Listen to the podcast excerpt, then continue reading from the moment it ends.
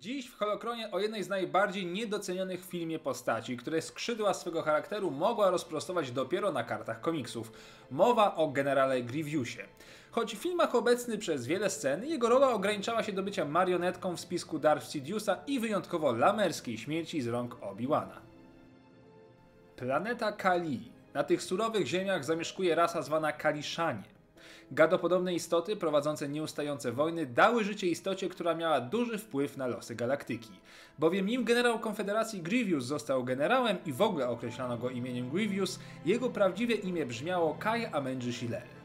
Mieszkańcy Kali toczyli wojnę z insektopodobną rasą Yamri, zwanych Hukami, co w ojczystym języku Kaliszan oznaczało robak bez duszy. W realiach wojny dorasta nasz młody bohater, który darzy wroga ogromną nienawiścią, jednocześnie jednak szkoli się, by być najzdolniejszym dowódcą w całej swojej rasie. Podczas swych wojennych wojaży spotyka bratnią duszę, najemniczkę Ronderu i Kumar, która towarzyszy mu w wielu bitwach i staje się niejako jego wojenną siostrą. Niestety, rola najemnika w wojnie najczęściej kończy się śmiercią i to też spotkało przyjaciółkę przyszłego generała. Grievous, załamany po śmierci towarzyszki, udał się na pielgrzymkę na Abesmi, świętą wyspę swego ludu. W tamtejszej świątyni błagał swych bogów, by ponownie ujrzeć Ronderu. Bogowie jednak milczeli.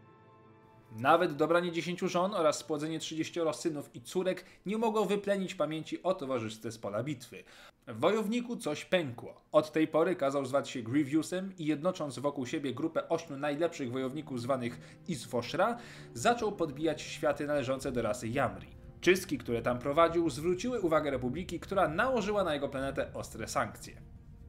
Nieco później Sun Hill, przywódca intergalaktycznego klanu bankowego, wspomógł mozolny proces odbudowy planety naszego bohatera. W zamian Grievous musiał pracować dla klanu bankowego. Niedługo potem jednak generał powrócił do swego ludu, porzucając przymusową pracę.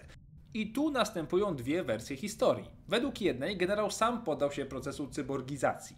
Według innej Sun Hill nie był zbyt zadowolony z odejścia swojego podobiecznego, dlatego z pomocą hrabiego Duku wysadził statek Grievousa bombą jonową. Generał jednak przeżył i został przetransportowany na Genesis.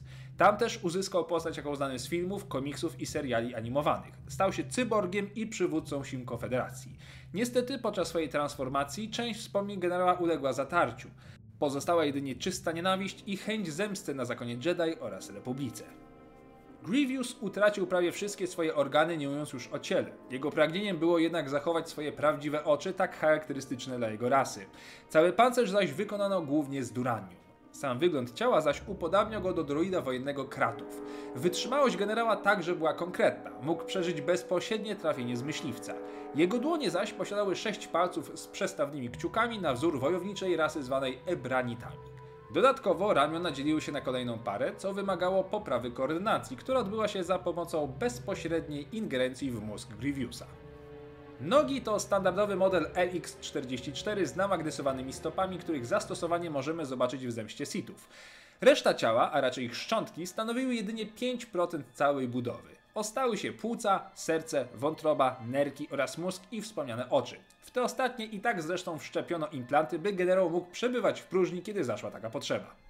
Maska Grievousa też nie była bez znaczenia. Jej oryginalny wygląd nie przypadł do gustu właścicielowi, dlatego przerobił ją na wzór tej, którą dostał niegdyś od swego ojca. Była to maska wykonana z czaszki Mummu, drapieżnika, który zamieszkiwał jego rodzinną planetę, a którego zabicie było nie lada wyzwaniem. Grievous uczył się walki mieczem, a raczej mieczami świetlnymi pod okiem samego hrabiego Duku. Ten przekazał mu wiedzę na temat wszystkich siedmiu form, które opanował niemalże do perfekcji. Oczywiście na tyle, ile może to zrobić istota niewrażliwa na moc. I tu ciekawostka. Generał od zawsze chciał posiadać wrażliwość na moc, a podczas jego rekonwalescencji została mu podana krew zamordowanego mistrza Sifo Diasa. Krew, choć uratowała mu życie, nie sprawiła, że był on wrażliwy na moc, co odebrał jako osobistą porażkę. Dalsze losy generała poznacie w licznych książkach, komiksach oraz oczywiście filmach. Nim nastąpił jego smutny koniec, przeżył on wiele naprawdę ciekawych przygód. W moim mniemaniu to jeden z tych złych bohaterów, których geneza jest jednak dobra. Grievous został oszukany, wyprany z pamięci i zaszczepiono mu sztuczną nienawiść. W sercu jednak był wielkim patriotą, który zawsze stawiał los swojej planety i rasy na pierwszym miejscu. W innych realiach być może byłby jednym z wielkich bohaterów po stronie Republiki. Zachęcam Was do zapoznania się z dalszą historią generała, linki znajdziecie w opisie. Dzięki za oglądanie, dajcie łapkę w górę, no i oczywiście zostawcie suba. Niech moc będzie z Wami i do zobaczenia w kolejnym odcinku.